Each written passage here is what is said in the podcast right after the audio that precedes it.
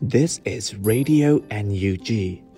the voice of National Unity Government of Myanmar, broadcasting for Myanmar Spring Revolution. Radio NUG is transmitting from shortwave 16 meter 17.71 megahertz at 8 a.m. and 25 meter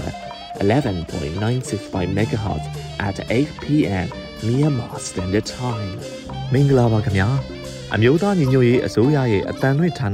Radio NUG ကိုမနက်၈နာရီမှလိုင်းတို16မီတာ7.3 MHz ညပိုင်း၈နာရီမှလိုင်းတို25မီတာ17.665 MHz တို့မှာဓာတ်ရိုက်ဖမ်းယူနားဆင်နိုင်ပါပြီ။မင်္ဂလာအပေါင်းနဲ့ပြည့်စုံကြပါစေ။အခုချိန်ကစပြီး Radio NUG အစီအစဉ်တွေကိုဓာတ်ရိုက်အတန်လွှင့်ပေးနေပါပြီ။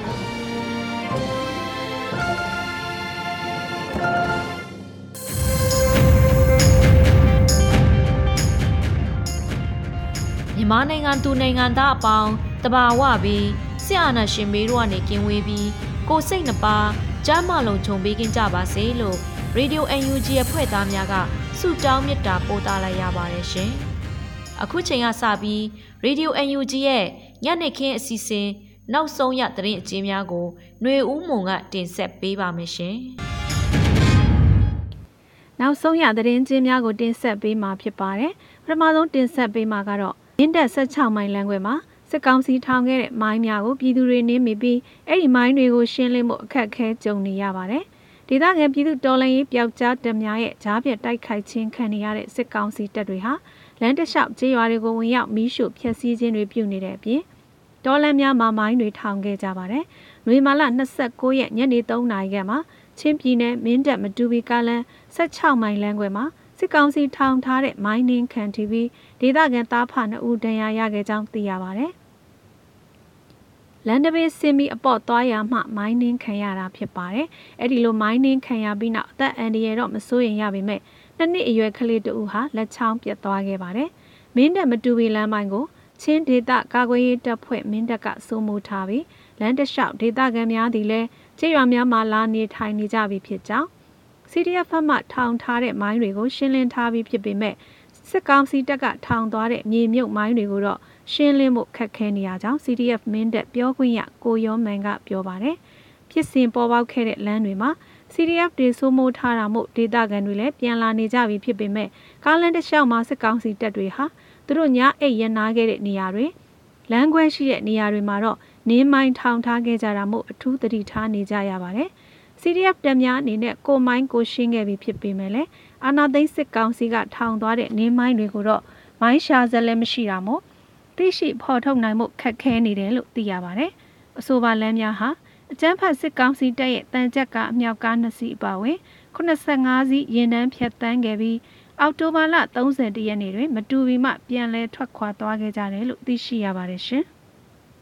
နောက်ထပ်သတင်းတစ်ပုဒ်ကတော့လွမြောက်နယ်မြေမှာရန်ကုန်နည်းပညာတက္ကသိုလ်ကျောင်းသားများတမကဦးဆောင်မှုနဲ့နှွေဦးစာကြည့်တိုက်ကိုဖွင့်လှစ်နိုင်ခဲ့ကြတယ်ဆိုတဲ့သတင်းဖြစ်ပါတယ်။နှွေဦးစာကြည့်တိုက်အမှတ်1လို့အမည်ပေးထားတဲ့လွမြောက်နယ်မြေကစာကြည့်တိုက်ပဲဖြစ်ပါတယ်။ကရင်ပြည်နယ်ကျေးရွာတရွာမှာဖွင့်လှစ်ခဲ့ကြခြင်းဖြစ်ပြီးပညာသင်ခွင့်မရကြတဲ့အင်တာနက်ဆက်သွယ်မှုပြတ်တောက်နေတဲ့ဒေသခံများအတွက်ပြင်ပကဘာနဲ့အဆက်အသွယ်ရစေဖို့ဗဟုသုတရှာမိနိုင်စေဖို့ဒီစာကြည့်လိုက်ကိုဖွင့်လှစ်ခဲ့ရခြင်းဖြစ်ကြောင်း ရန်ကုန်ဤပညာတက္ကသိုလ်ကျောင်းသားသမဂ္ဂတာဝန်ရှိသူတို့ကပြောပါရယ်။နွေမလ28ရက်မှာကြာရောက်သောမျိုးသားနေ့အထိမ်းအမှတ်အဖြစ်ဖွင့်လှစ်လိုက်တဲ့အဆိုပါစာကြည့်လိုက်မှာလက်ရှိအချိန်ကတော့စာအုပ်ပေါင်း1900ကျော်စုဆောင်းတင်ထားနိုင်ပါပြီ။ဦးဆောင်ဖွင့်လှစ်ခဲ့တဲ့ကျောင်းသားသမဂ္ဂတာဝန်ရှိသူကဆက်လက်ပြောပြရမှာစာကြည့်တိုက်ကိုဆက်လက်လဲပတ်သွားနိုင်ရန်စာကြည့်တိုက်မှုတွေလည်းခံထားဖို့ရှိပါတယ်။ CDM ဆရာဆရာမတွေကရွေးပြီးခံထားမှာဖြစ်ကြောင်း စာကြည့်တိုက်လေးထဲမှာပဲအကျိုးပြုသင်တန်းတွေဖြစ်မဲ့အင်္ဂလိပ်စာသင်တန်းကွန်ပျူတာသင်တန်းတွေကိုလည်းစီစဉ်ထားပါကြောင်းပြောဆိုခဲ့တာပါ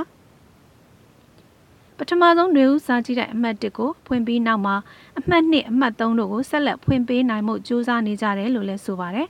အဆိုပါလူမှုအကျိုးပြုလုပ်ငန်းဖြစ်တဲ့စာကြည့်တိုင်းများဆက်လက်ရပ်တည်သွားပြီးအသစ်အသစ်ဖွင့်လှစ်နိုင်ဖို့ကုန်ကြစရိတ်နဲ့အတူငွေများကို၎င်းတို့ရဲ့လူမှုကွန်ရက်စာမျက်နှာများဖြစ်သော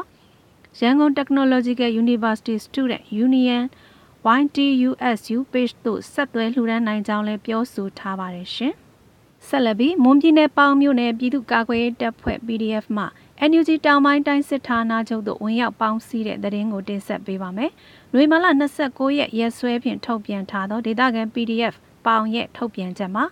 တောင်ပိုင်းတိုင်းစစ်ဌာနချုပ်ရဲ့စုဖွဲ့မှုသို့ဝင်ရောက်ခြင်းလို့ခေါင်းစဉ်ပါရှိပါတယ်။ ဖော်ပြချက်မှာပေါင်မြို့နယ် PDF တပ်ဖွဲ့ရဲဘော်38ယောက်တို့ဟာမြို့သားညီညွတ်ရေးအစိုးရပြည်သူ့ကာကွယ်ရေးတပ်မတော်တောင်ပိုင်းတိုင်းစစ်ဌာနချုပ်ရဲ့စုဖွဲ့မှုသို့နိုဝင်ဘာလ29ရက်နေ့တွင်အလုံးစုံဝင်ရောက်ပါသည်ဟုရေးသားထားပါတယ်။ဆက်လက်ပြီးအာဏာရှင်စနစ်အမြင့်ဖြဲရေးနဲ့ Federal Democracy ပြည်ထောင်စုတည်ဆောက်နိုင်ရေးအတွက်တော်လှန်ရေးလုပ်ငန်းများမှာအရှိန်မြင့်လှုံ့ဆော်နိုင်ရန်မိမိတို့အသက်နှင့်ခန္ဓာကိုယ်အား နှင်းအခါညွှန်ကြားမှုအမိန့်အလုံးကိုတသွေးတတန်တမိတ်စနစ်အတိုင်းနာခံပြီးကာကွယ်ရေးဝန်ကြီးဌာန၏အမှန်ချက်၃ရက်များအကောင့်ထဲပေါ်နိုင်ရန်ဥထိတ်ထားစ조사ဆောင်ရွက်သွားမည်ဟုပူးပေါင်းမှုထုတ်ပြန်ချက်မှာရေးသားထားပါတယ်ရှင်။ဆက်လက်ပြီးနိုဝင်ဘာလ30ရက်နေ့မနက်ခင်းနဲ့နေ့လယ်ခင်းတွေမှာတင်ဆက်ခဲ့တဲ့သတင်းကောင်းစင်တွေကိုဖတ်ကြားပေးပါမယ်။မိုးကုံမှာစစ်တပ်နဲ့ရဲကလူငယ်၃ဦးကိုဖမ်းဆီးခေါ်ဆောင်သွားတဲ့တဲ့။ ကျိုင်းတုံမြို့စစ်ကောင်စီလက်အောက်ခံရဲတပ်ဖွဲ့မှပြည်သူနေအိမ်ကိုဖျက်ဆီးခဲ့တဲ့တဲ့ရင်စစ်ကောင်စီတပ်လက်နက်ကြီးကြောင့်မိုးမောက်မြို့ဖျားချောင်းနဲ့စစ်ရှောင်းစခန်းမှာလက်နက်ကြီးကြတဲ့တဲ့ရင်ကိုရီးယားမလေးရှားနဲ့ထိုင်းနိုင်ငံတို့မှအလုသမားတန်အရာရှိရှိဦးကိုအမြင့်ပြည့်စင်း blacklist ထည့်သွင်းပြီးဝန်ထမ်းအဖြစ်မှထုတ်ပယ်ပြီးဖြစ်ကြောင်းကြေညာခဲ့တဲ့တဲ့ကရင်ပြည်နယ်ဖာပွန်ခရိုင်ကစစ်ဘေးဒုက္ခသည်များအတွက်သွားရောက်ကူညီမှုတွေရှိလာပေမဲ့အကူအညီတွေလိုအပ်နေဆဲဖြစ်တဲ့တဲ့ ပြည်သူအစိုးရကောင်းဆောင်များနဲ့ပြည်သူရင်ခွင်ခိုလုံလာကြသူများတွေ့ဆုံပွဲကိုကျင်းပပြုလုပ်ခဲ့ကြတဲ့တဲ့ပြည်ထောင်စုလွှတ်တော်ကိုစားပြုကော်မတီ CRPH ရဲ့လုပ်ငန်းတွေပုံမကျဲပြန့်စွာဆောင်ရွက်နိုင်ရေးကူညီပံ့ပိုးပေးဖို့နိုင်ငံတကာပါလီမန်များညီလာခံတွင်တောင်းဆိုခဲ့တဲ့တဲ့မြန်မာပလာဇာကဆိုင်တွေကိုပြန်ဖွင့်ဖို့စစ်ကောင်စီကတိုက်တွန်းနေပြီးဆိုင်ပြန်ဖွင့်ရင်လည်းမသွားကြဖို့တပိတ်အဖွဲ့များကတိုက်တွန်းထားတဲ့တဲ့မြန်မာနိုင်ငံဒီမိုကရေစီလမ်းကြောင်းပေါ်ပြန်ရောက်ဖို့ အာရှဥရောပနိုင်ငံပေါင်း90ကျော်ကထပ်မံတိုက်တွန်းခဲ့တဲ့တဲ့စသည်တို့ပဲဖြစ်ပါတယ်ကျမຫນွေဦးမွန်ပါရေဒီယို UNG ရဲ့နောက်ဆုံးရသတင်းအကျဉ်းများကိုနားဆင်ပြီးမှတော့သတင်းအချက်လက်မှရဲ့တန်ဖိုးအကြောင်းမိုးမခသတင်းမြင်ကွင်းဆောင်ပါကိုຫນွေဦးမိုးကဖတ်ကြားပါမယ်ရှင်။သတင်းအချက်လက်မှန်ရဲ့တန်ဖိုးသတင်းအချက်လက်မှန်ဆိုလို့ သတင်းတွေထဲပါရှိနေတဲ့အချက်အလက်တွေကအားလုံးမှားနေလို့လားဘာတွေလွဲနေလို့လဲဆိုတဲ့မေးခွန်းရှိကောင်းရှိနိုင်ပါတယ်ဒီမေးခွန်းကိုပြန်ဖြေရရင်သတင်းတွေထဲပါနေတဲ့အချက်အလက်တွေကအားလုံးမမှန်နိုင်ပါဘူးသတင်းရင်းမြစ်တွေကို၌ကအကျိုးစီးပွားတွေရှိနေခဲ့လို့ရှိရင်သတင်းထဲမှာပါဝင်နေတဲ့သတင်းအချက်အလက်တွေကတာတာထိုးထိုးပြောထားတာအရေးကြီးပေမဲ့လည်းမပြောချင်တဲ့အချက်အလက်ကိုခြံလှက်ထားလိုက်တာတွေဖြစ်နိုင်ခြေအစဉ်အမြဲရှိတာကြောင့်သတင်းတွေထဲ ပါရှိနေတဲ့အချက်အလက်တွေနဲ့တဲ့အရေးကြီးတဲ့ဆုံးဖြတ်ချက်ကိုချမှတ်သူတွေအထူးသဖြင့်လှုပ်ရှားမှုကြီးတစ်ခုကိုဦးဆောင်တဲ့အဖွဲ့အစည်းတွေလူပုဂ္ဂိုလ်တွေအဖို့သတင်းမီဒီယာထဲမှာပါရှိနေတဲ့အချက်လက်တွေကိုသာအားကိုးပြီးဆုံးဖြတ်ချက်တွေကိုချမှတ်လို့မရပါဘူးသတင်းမီဒီယာရဲ့သဘောက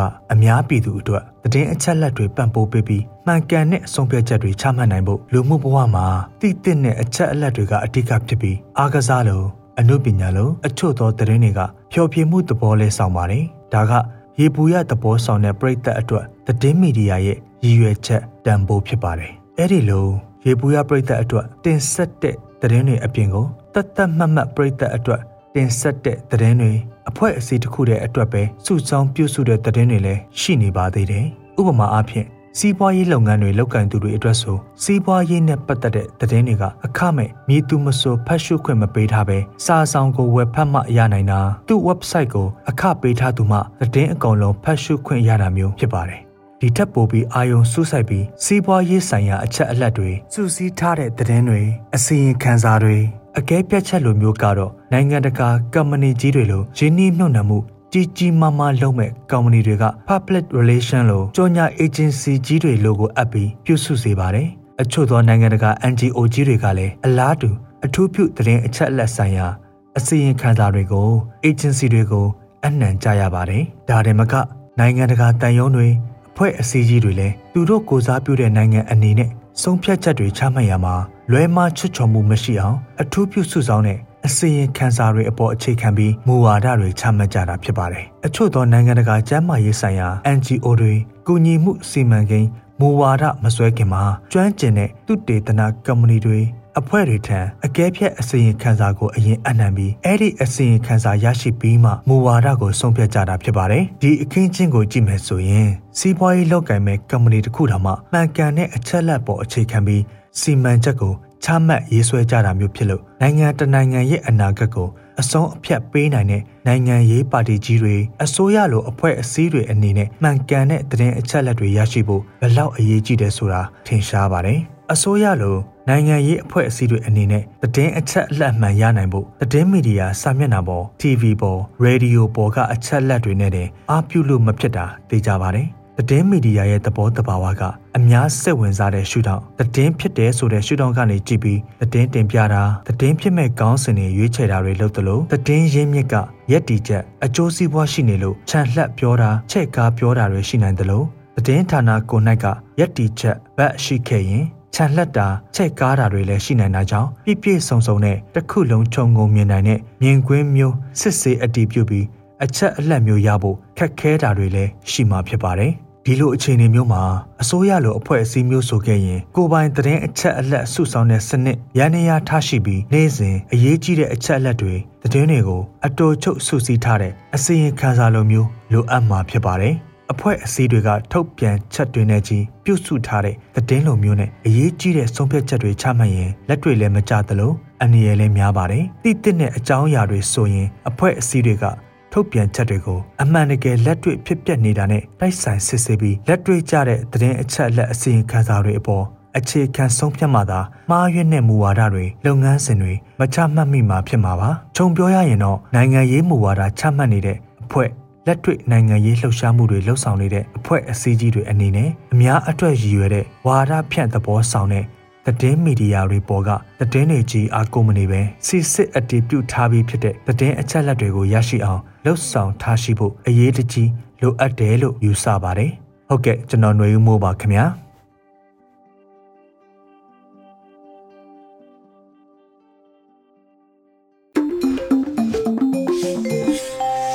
ဆက်လက်ပြီးတော်လာရေးကြပြတပုတ်ကိုအလှည့်ပေးပါမယ်။ရွေဥသူရဲကောင်းများကို ကုံပြုထားတဲ့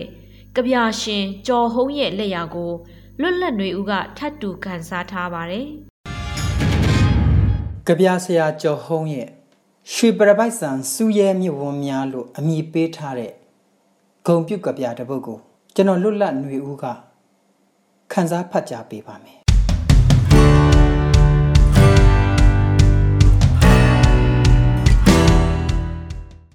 စူရဲမြဝန်းများ တရေကောင်းတို့ရဲ့နှလုံးသားကိုလက်ဝါးကတ်တိုင်မှာကျင်ဆွဲထိုးထိုးရစ်စင်ဘော်ကဓာတ်ဆက်အောက်မှာကွမြက်ကွမြက်အမှန်တရားကိုတက်ဝင်ယုံကြည်မှုဒရတ်စင်ဟာမတုံလှုပ်ရှင်တန်တယ်နာဇီရဲ့ကြိုးစင်ထက်မှာနောက်ဆုံးအချိန်ထိရဲရင်ခဲ့တယ်ဒက်တရေကောင်းမှလေဟန်ချက်ယဟာနာဟန်နစ်ချက်ရဲ့ မျက်လုံးမျိုးယူဂိုစလာဗီးယားတရေကောင်းမှလေလီပါရတ်တစ်ရဲ့မြဝန်းမျိုးငါတို့မြမအနွေဦးတော်လှန်ရေးမှာလဲရှိတပေါ့ဖက်စစ်ကိုအက်စစ်နဲ့ပတ်တဲ့ထီမထင်မြဝန်းအကြည့်တွေငါတို့ຫນွေဦးတော်လှန်ရေးမှာလဲရှိတပေါ့နေစီမချကပတရေကောင်းတို့ရဲ့နှလုံးသားဟာရာစုနှစ်ဘယ်လောက်ခြားခြား ယူဇနာဘယ်လောက်ဝေးဝေးတူတယ်တရေကောင်းတို့ရဲ့အမှန်တရားအတွက်ရဲရင့်မှုကိုကဘာမြေကြီးကမြို့ချလို့မရဘူးဒါကိုတမိုင်းမှတ်တမ်းလို့ဆိုစမှတ်ပြုကြတာပဲကြော်ဟုံးနိုဝင်ဘာလ18 2021ခုနှစ်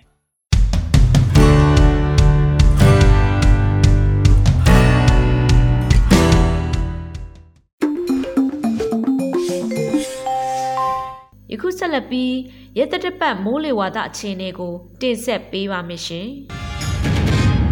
2021ခုနှစ်နိုဝင်ဘာလ29ရက်နေ့မှဒီဇင်ဘာလ9ရက်နေ့အထိမိုးလေဝသအခြေအနေတွေကိုတင်ပြသွားပါမယ်။ယခုရက်တဲ့ဘက်အတွက်သတိပြုရန်ကတော့ဘင်္ဂလားပင်လယ်အရှေ့တောင်ပိုင်းမှာဒီဇင်ဘာလ1ရက်မှ9ရက်နေ့အတွင်းလီဖီးယားနဲ့ရေဝန်းတစ်ခုဖြစ်ပေါ်လာနိုင်ပြီးအိန္ဒိယနိုင်ငံအော်ရိတာကမ်းခြေဘက်ကိုဖျက်ကျော်နိုင်ပြီးအရှေ့မြောက်ဘက်ကိုပြန်ကွေ့သွားနိုင်ပါတယ်။အဆိုပါလေဖျားနဲ့ရဝန်းကြောင့် မြန်မာနိုင်ငံမြောက်ပိုင်းနဲ့အလဲပိုင်းတို့မှာနေရာကွက်ကြားမိုးထစ်ချုံရွာသွန်းနိုင်ပြီးမိုးရွာပြီးပါကရခင်ရက်များထက်အေးပူလာနိုင်ပါတယ်။အဆိုပါဒေသများမှာနေထိုင်ကြတဲ့ဒေသခံပြည်သူများနေရက်စွန့်ခွာထွက်ပြေးတိမ်းရှောင်နေရသူများနဲ့ထိခိုက်လွယ်အုပ်စုများအနေနဲ့အချိန်ခါမဟုတ်မိုးရွာသွန်းခြင်းနဲ့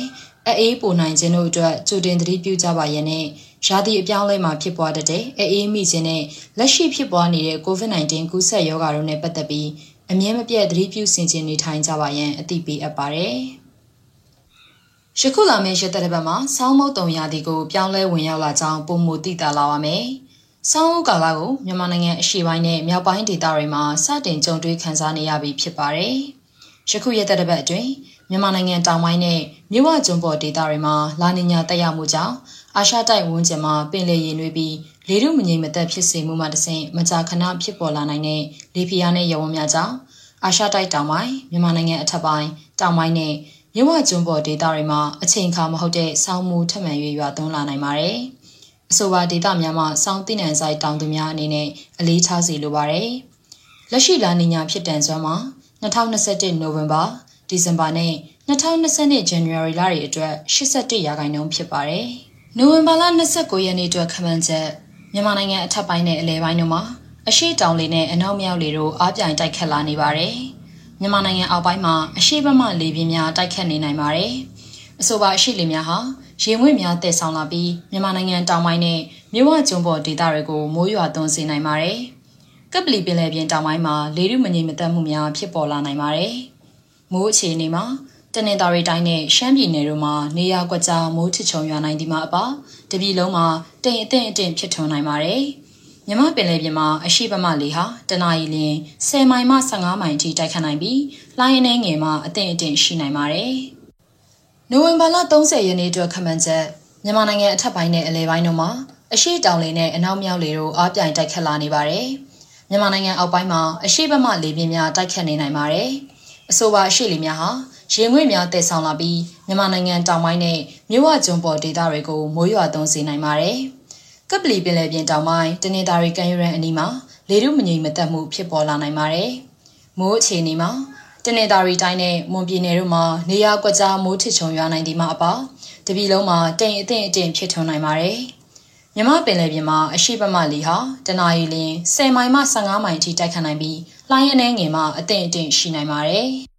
ဒီဇင်ဘာလ၁ရက်နေ့အတွက်ခန့်မှန်းချက်မြန်မာနိုင်ငံအထက်ပိုင်းနဲ့အလယ်ပိုင်းတို့မှာအရှိတောင်တွေတို့အားကောင်းစွာတိုက်ခတ်လာနေပါတယ်။မြန်မာနိုင်ငံအောက်ပိုင်းမှာအရှိဘက်မှလေပြင်းများတိုက်ခတ်နေနိုင်ပါတယ်။အဆိုပါအရှိလေများဟာရေငွေ့များတည်ဆောင်လာပြီးမြန်မာနိုင်ငံတောင်ပိုင်းနဲ့မြဝကျွန်းပေါ်ဒေသတွေကိုမိုးရွာစေနိုင်ပါတယ်။ကပ်ပလီပင်လယ်ပြင်တောင်ပိုင်းတနင်္သာရီကမ်းရိုးတန်းအနီးမှာလေပြင်းနဲ့ရေဝန်းတစ်ခုဖြစ်ပေါ်လာနိုင်ပါတယ်။မိုးအခြေအနေမှာတနင်္သာရီတိုင်းမွန်ပြည်နယ်နဲ့ AR တိုင်းတို့မှာနေရာကွက်ကြားမိုးထချုံရွာနိုင်ပြီး တပြည်လုံးမှာတိမ်အထင်အထင်ဖြစ်ထွန်းနိုင်ပါတယ်။တနင်္သာရီတိုင်းကော့တောင်းခရိုင်မှာနေရာကွက်၍မိုးကြီးနိုင်ပါတယ်။မြမပင်လယ်ပြင်မှာအရှိဘမလီဟာတနအီလရင်10မိုင်မှ15မိုင်ထိတိုက်ခတ်နိုင်ပြီးလိုင်းအနေငယ်မှာအထင်အထင်ရှိနိုင်ပါတယ်။ဒီဇင်ဘာလ2ရက်နေ့အတွက်ခန့်မှန်းချက်မြန်မာတိုင်းနိုင်ငံလုံးတွင်အရှိဘမလေပြင်းများတိုက်ခတ်နေနိုင်ပါတယ်။အဆိုပါအရှိလေများဟာရေငွေ့များတည်ဆောင်လာပြီးမြန်မာနိုင်ငံတောင်ပိုင်းနဲ့မြဝကျွန်းပေါ်ဒေသတွေကိုမိုးရွာသွန်းစေနိုင်ပါတယ်။ ကပ်ပလီပင်လယ်ပြင်တောင်ပိုင်းမှာဖြစ်ပေါ်နေတဲ့လေပြင်းနဲ့ရဝန်းဟာ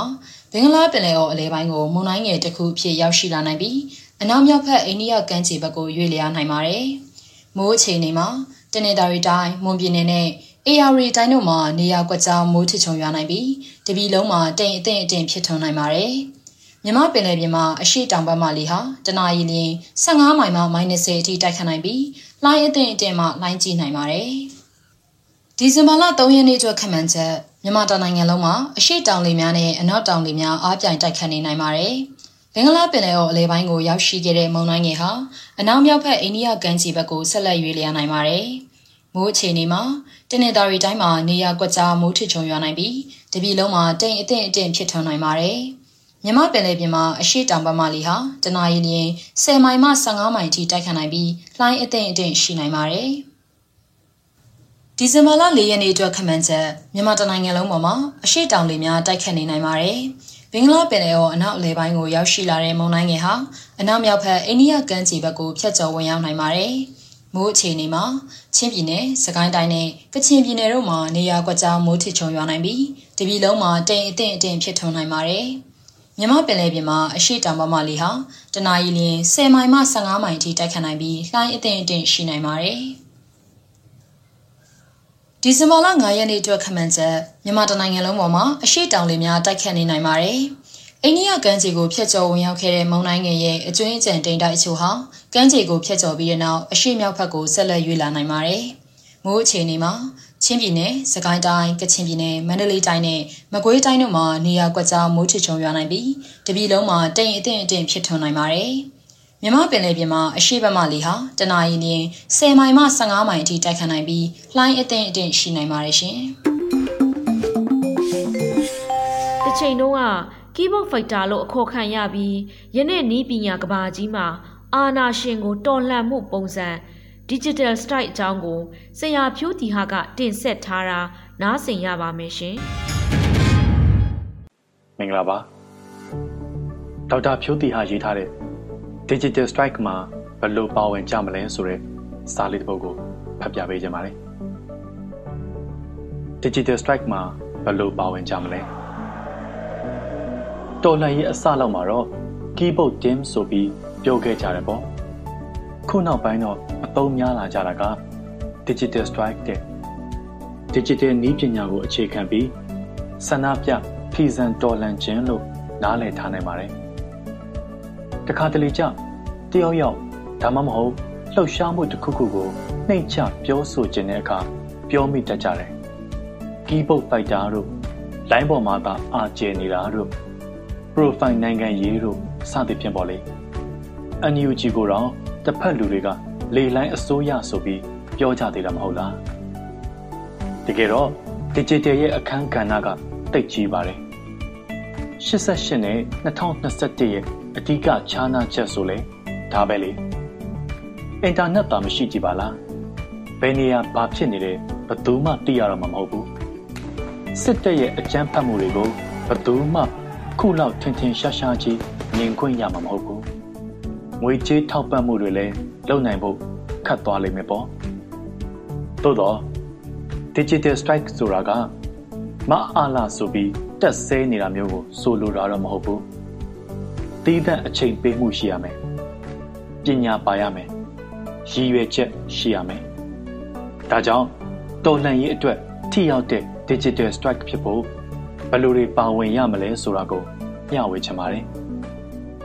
ကိုယ်တိုင်လည်းနီးပညာသမားမဟုတ်တဲ့အတွက်ကျွန်တော်လိုတာမန်ပြည်သူတွေအတွက်ပဲရည်ရွယ်ပြီးရေးထားပါတယ်နံပါတ်1တရင်အချက်လက်မျှဝေခြင်းလေ့လာသင်ယူခြင်း information နဲ့ knowledge ပါဘယ်နေရာမှာဘာဖြစ်နေပြီ NUG ကဘာတွေလုပ်နေပြီစသဖြင့်သိနိုင်ပါတယ်အရင်ခက်ကတော့သတင်းအချက်လက်ရဖို့ကိုရေဒီယိုတွေခိုးနားထောင်ပြီးစူးစမ်းရပေမဲ့ဒီခက်ကတိတ်လွယ်တယ်ဒါကြောင့်သတင်းအချက်လက်ရဖို့ထက်မှန်တာကိုစီစစ်တတ်ဖို့ဒီပိုအရေးကြီးလာတယ် misinformation malinformation disinformation တွေကိုသိထားရမယ် သတိထားရမယ်တလက်စလေးရှင်းပြရရင် misinformation မရည်ရွယ်ပဲတင်မိတဲ့သတင်းမှာတခုခုဖြစ်ပါစေဆိုတဲ့ရည်ရွယ်ချက်မရှိဘူးဒီလိုပဲမှားပြီးတင်မိတာ malinformation ရည်ရွယ်ချက်နဲ့တင်တဲ့သတင်းတုဒါကြောင့်တစ်ဖက်ကလူတွေထဲ့တဲ့စိုက်ဝါသတင်းတော်လှန်ရေးကိုပုံဖြတ်တဲ့သတင်းမျိုးတွေကိုဆိုလိုတာ disinformation တကယ်ဖြစ်ခဲ့တဲ့အချက်တစ်ခုကိုအခြေခံပြီးမကောင်းတဲ့ရည်ရွယ်ချက်နဲ့ဖန်တီးထားတဲ့တဲ့ဒါကပိုပြီးခွဲခြားရခက်တယ်အမှန်ဖြစ်ခဲ့တာကိုမှနင်းပြီးပုံဖြတ်ထားတာဒါတွေကိုတတ်နိုင်သမျှစီစစ်တတ်ဖို့မြင်သမျှကိုအတီးမယူမိဖို့လိုပါမယ်နောက်တစ်ချက်ကလိမ့်လာသင်ယူတာဒီမိုကရေစီနိုင်ငံကပြည်သူဆိုတာသိဖို့လိုတယ်နိုင်ငံနဲ့ပတ်သက်တာတွေသိရမယ်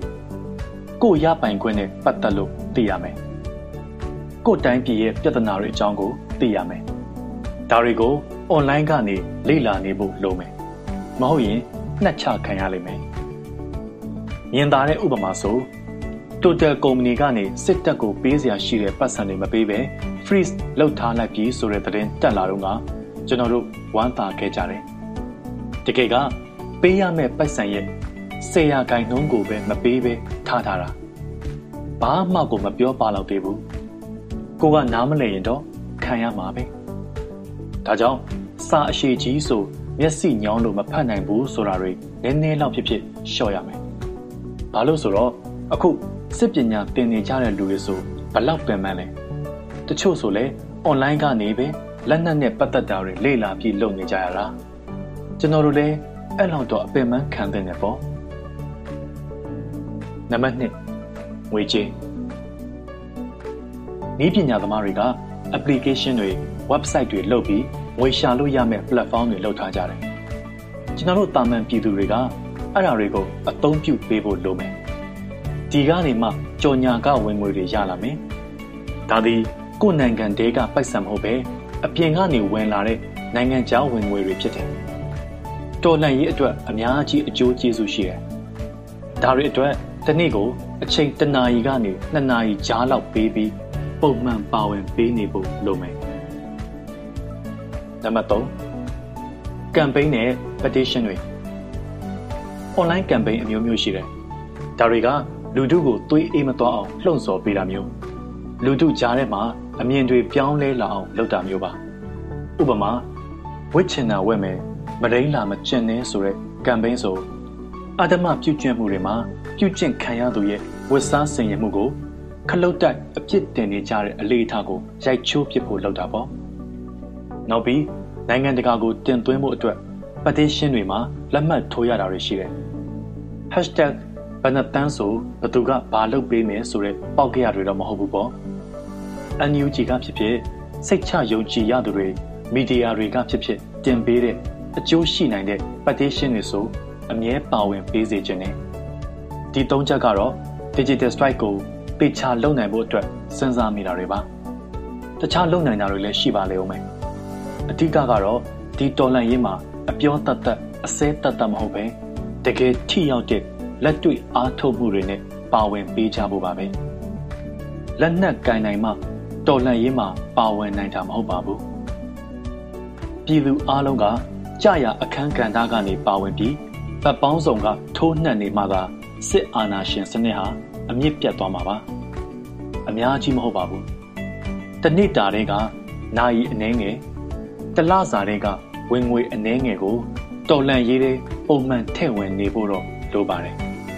ဒါမှသာကျွန်တော်တို့မျှော်လင့်နေတဲ့ပန်းတိုင်စုကိုမြန်မြန်ရောက်နိုင်မှာဖြစ်ပါတယ်ဒေါက်တာဖြိုးတီဟာ9ရက်17လ2021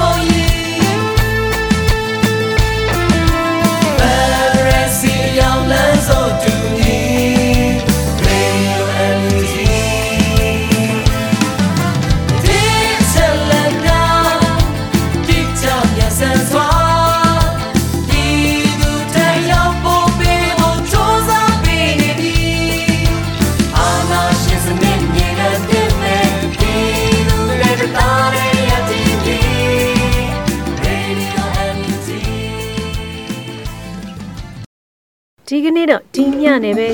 Radio NUG ရဲ့အစီအစဉ်တွေကိုခਿੱတရနာလိုက်ပါမယ်မြန်မာစံတော်ချိန်မနေ့၈နာရီနဲ့ညနေ၈နာရီအချိန်တွေမှာပြန်လည်ဆုံတွေ့ကြပါစို့ Radio NUG ကိုမနေ့၈နာရီမှာလိုင်းဒို16မီတာ19.7 MHz ညပိုင်း၈နာရီမှာ လိုင်းဒို25မီတာ17.665 MHz တို့မှာဓာတ်ရိုက်ဖမ်းယူနာဆင်နိုင်ပါပြီမြန်မာနိုင်ငံသူနိုင်ငံသားများကိုစိတ်နှဖျားချမ်းမာချမ်းသာလို့ဘေးကင်းလုံခြုံကြပါစေလို့ Radio NUG ဖွဲ့သူဖွဲ့သားများကဆုတောင်းလိုက်ရပါတယ်မြို့သားညီညွတ်ရေးအစိုးရရဲ့ဆက်သွယ်ရေးတည်င်းအချက်လက်နဲ့ဤပညာဝန်ကြီးဌာနက ထုတ်လွှင့်နေတဲ့ Radio NUG ဖြစ်ပါတယ်။ San Francisco Bay Area အခြေစိုက်မြန်မာမိသားစုများနဲ့နိုင်ငံတကာကစေတနာရှင်များလှူအားပေးများရဲ့ Radio NUG ဖြစ်ပါတယ်။အရှိတော်ပုံအောင်ရမည်